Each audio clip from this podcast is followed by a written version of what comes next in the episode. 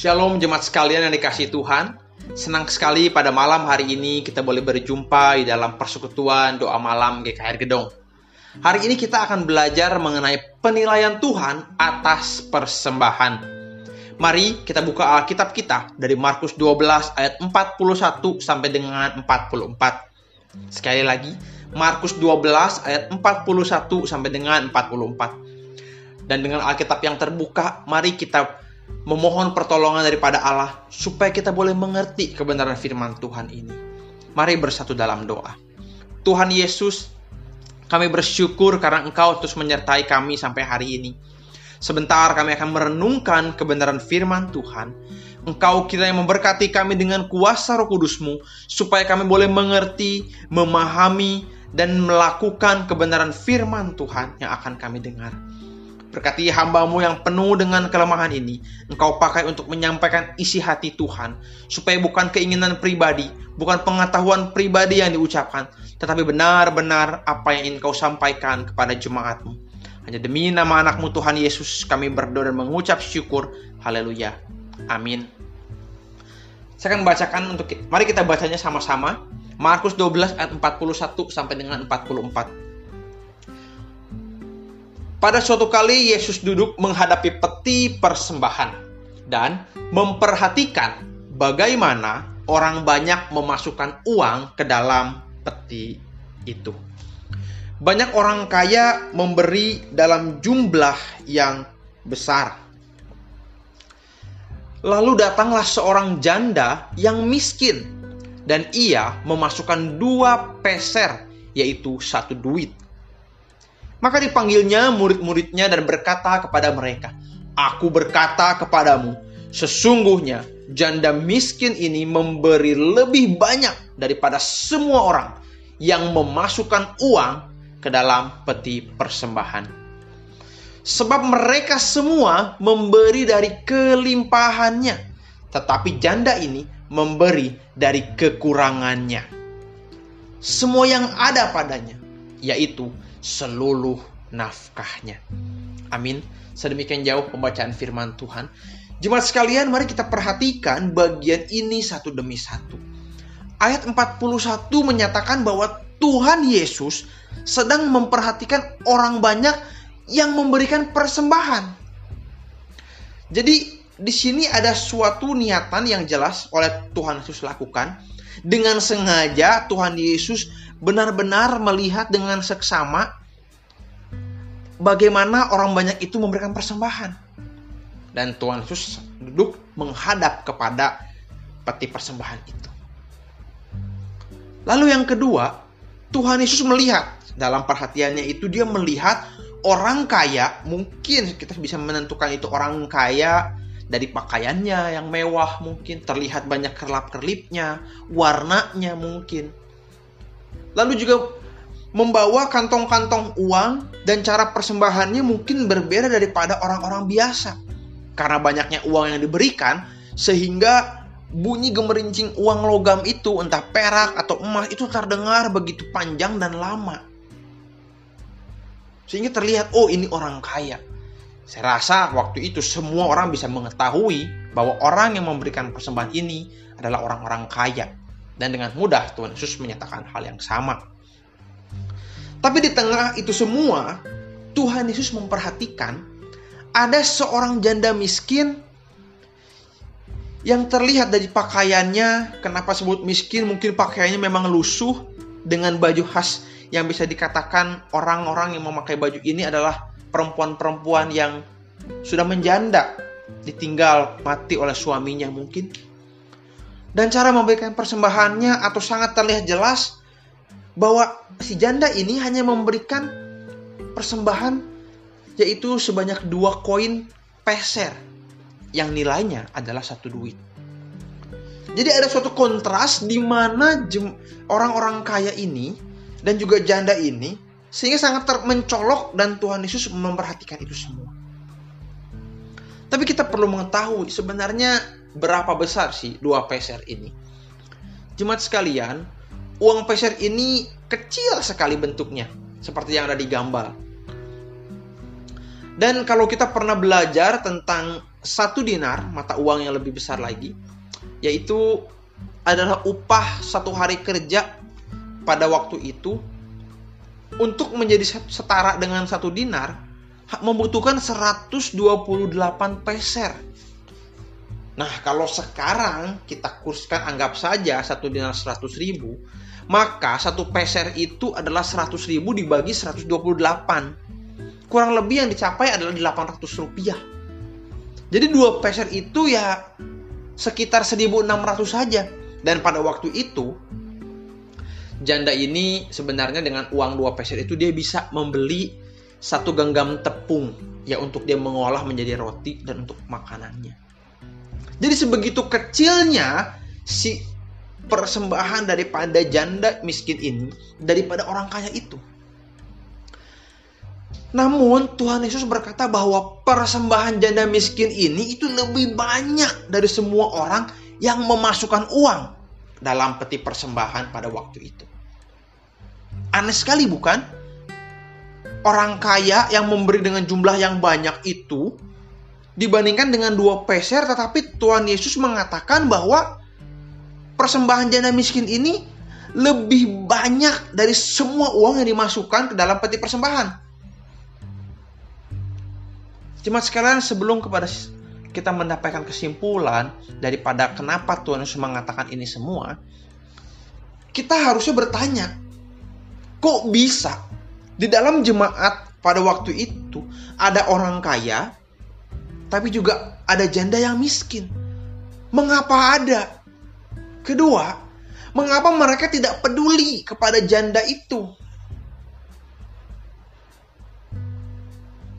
Kita harusnya menanyakan itu semua. Mengapa? Kenapa? Lalu yang terakhir baru kita perlu bertanya. Mengapa persembahan janda ini begitu besar di mata Tuhan Yesus? Mari kita jawab satu persatu. Mari kita menjawab pertanyaan-pertanyaan ini. Jemaat sekalian, sesungguhnya konteks daripada ayat 41 sampai dengan 44 itu sangat erat kaitannya dengan Markus 12 ayat 38 sampai dengan 40. Mengapa? Karena di situ Tuhan Yesus mengatakan kepada para muridnya memberikan suatu pengajaran untuk berhati-hati kepada ahli Taurat. Kenapa? Karena mereka munafik, karena mereka egois, dan karena mereka ahli Taurat, mereka tahu begitu banyak tentang kebenaran firman Tuhan, hukum-hukum Musa. Mereka tetapi tidak melakukan itu semua. Padahal harusnya mereka tahu ketika mereka memahami hukum Taurat, mereka harusnya paham bahwa Allah sangat membela anak-anak yatim dan janda, bahkan orang asing. Allah adalah perlindung para janda. Bahkan Allah sangat akan bahkan Allah mengutuk orang-orang yang menindas para janda. Tetapi yang terjadi adalah mari kita membaca ayat yang ke-40 jemaat sekalian. Markus 12 ayat 40 berbunyi seperti ini saya akan bacakan untuk kita sekalian. Yang menelan rumah janda-janda. Sedang mereka mengelabui mata orang dengan doa yang panjang-panjang, mereka ini pasti akan menerima hukuman yang lebih berat. Jadi si ahli Taurat ini malah menindas para janda itu mereka malah menelan rumah janda-janda. Bayangkan. Mereka yang mengetahui firman Tuhan, tetapi malah mereka melakukan apa yang ditentang oleh Tuhan, dan mereka tidak mengajarkan kebenaran kepada jemaat pada waktu itu. Sehingga wajar, tidak ada yang peduli dengan janda itu, bahkan orang kaya sekalipun.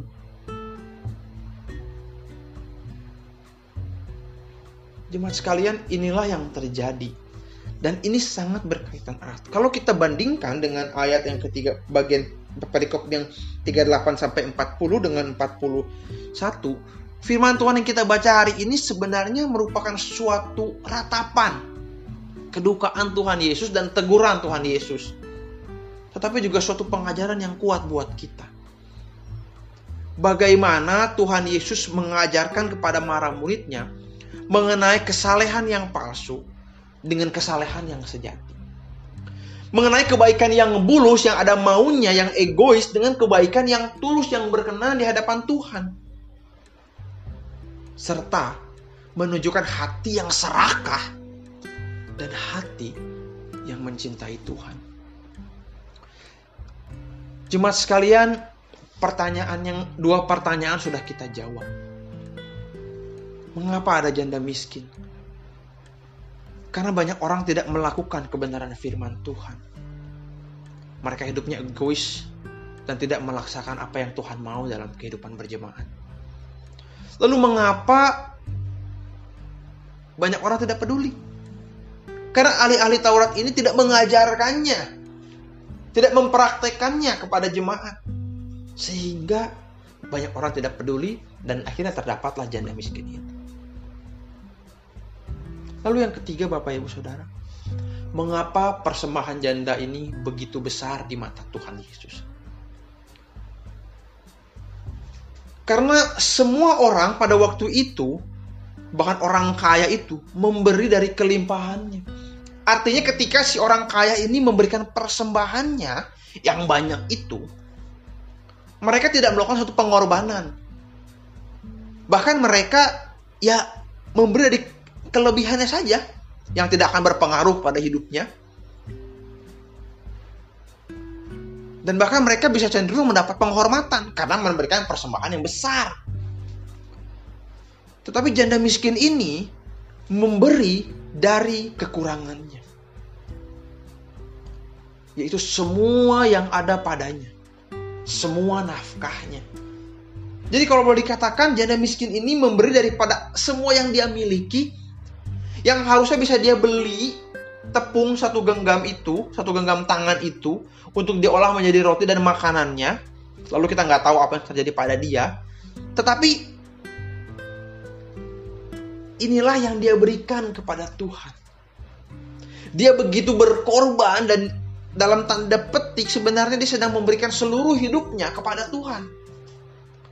Karena dia tahu mencintai Tuhan itu lebih penting daripada kehidupannya. Karena dia tahu dia harus mengasihi Tuhannya lebih daripada apa pun, termasuk daripada diri sendiri. Inilah mengapa Tuhan Yesus mengatakan bahwa persembahan janda ini begitu besar di mata Tuhan Yesus. Dari semua uang yang masuk dalam peti persembahan pada waktu itu. Hari ini kita belajar, kita jadi kita tahu bahwa janda miskin ini tahu prioritas dalam hidupnya, yaitu Allah ia memberikan yang terbaik bagi Allah, yaitu seluruh hidupnya, dan itu adalah bukti dari imannya kepada Allah. Lalu sekarang kita kembali ke tema kita, bagaimana penilaian Tuhan atas persembahan. Kita tahu Bapak Ibu Saudara, bahwa Tuhan tidak menilai berapa banyaknya jumlah persembahan itu. Tetapi kualitas persembahan itu. Apakah persembahan itu yang terbaik? atau tidak. Cuma sekalian, sebenarnya kalau kita kalau hari ini kita sudah mengetahui bahwa janda ini telah memberikan yang terbaik buat Tuhan. Tetapi sesungguhnya kita pun sadar Bapak Ibu Saudara, alasan kita harusnya memberikan yang terbaik adalah karena Allah telah lebih dahulu memberikan yang terbaik bagi kita yaitu anaknya yang tunggal, Yesus Kristus. Ia mati untuk menembus dosa kita. Yang sebenarnya sampai sekarang pun kita rasa tidak layak untuk mendapatkan penembusan ini, bukan? Yang kalau kita berpikir harusnya kita tuh tidak mendapatkan anugerah yang besar ini, kasih yang melimpah ini. Tetapi Allah memberikan itu semua kepada kita. Dia memberikan, Allah memberikan yang terbaik. Tuhan Yesus yang mati di atas kayu salib untuk menebus dosa kita semua, yang membebaskan kita semua dari belenggu dosa. Teman sekalian, kalau Tuhan sudah memberikan yang terbaik buat kita, lalu apa yang sudah kita berikan kepada Tuhan? Hari ini detik ini ajak kita sekarang untuk memejamkan mata. Dan mari kita tanyakan pada diri kita, apakah kita sudah memberikan yang terbaik bagi Tuhan? Tanyakan dengan perlahan kepada diri kita, apakah kita sudah memberikan yang terbaik bagi Tuhan? Cuma sekalian, kalau hari ini kita sudah mengatakannya kepada Tuhan, kita selidiki setiap hidup kita apakah kita sudah memberikan yang terbaik buat Tuhan. Kita jawab pertanyaan dalam hati. Lalu setelah itu kita mengatakan kepada Tuhan kalau yang belum. Mulai hari ini kita mau memberikan yang terbaik buat Tuhan. Bagi yang sudah, katakan dengan sungguh-sungguh kepada Tuhan bahwa saya akan terus memberikan yang terbaik kepada Tuhan. The best of the best. Cuma sekalian, mari kita ambil waktu sejenak. Lalu pertanyaan kedua, cuma sekalian. Tanyakan kepada diri kita. Kalau memang kita mau memberikan yang terbaik. Kalau mulai hari ini kita mau berkomitmen kepada Allah untuk memberikan yang terbaik. Bagaimana? Tanyakan pada diri kita. Pelan-pelan. Bagaimana cara kita memberikan yang terbaik bagi Tuhan. Tanyakan pelan-pelan. Lalu kalau kita sudah menemukan caranya, mari kita katakan kepada Tuhan, Tuhan, aku tahu caranya. Dan aku akan melakukan itu untuk memberikan yang terbaik kepada Tuhan. Cuma sekalian, dengan tetap memejamkan mata,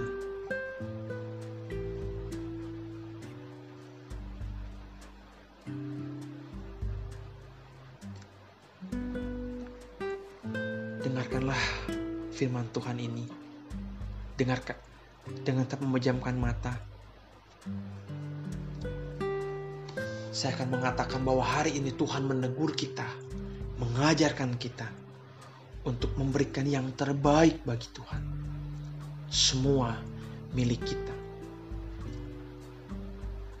Dan itu semua harus kita lakukan karena Tuhan telah lebih dahulu memberikan yang terbaik kepada kita untuk menebus dosa kita, membebaskan kita dari hukuman maut, yaitu Yesus Kristus, juru selamat kita, juru selamat dunia. Selidiki aku, lihat hatiku, apakah ku sungguh mengasihimu, Yesus? Yang maha tahu dan menilai hidupku. Tak ada yang tersembunyi bagimu. Telah kulihat kebaikanmu yang tak pernah habis di hidupku Ku berjuang sampai akhirnya Kau dapati aku tetap setia. Mari kita berdoa dalam doa. Tuhan Yesus Terima kasih buat kebenaran firman. Terima kasih kalau engkau terus menegur kami, mengingatkan kami bahwa kami harus memberikan yang terbaik kepadamu Tuhan. Dalam setiap aspek kehidupan kami. Yaitu hidup kami, semua milik kami. Karena kami tahu, karena kami sadar, karena kami mengerti bahwa engkau telah memberikan kami Yesus Kristus sang juru selamat bagi dunia ini. Yaitu anugerah yang terbesar itu Tuhan sehingga kami boleh ada sampai hari ini sehingga kami boleh berhubungan ber, sehingga kami boleh memiliki hubungan yang intim denganmu dan kami boleh menjadi anak-anak terima kasih Bapak berkati kami dengan kuasa roh kudusmu supaya kami terus setiap detiknya memberikan yang terbaik bagimu di dalam segala sesuatu yang kami kerjakan di dalam semua aspek kehidupan kami yang demi nama anakmu Tuhan Yesus kami berdoa. Amin.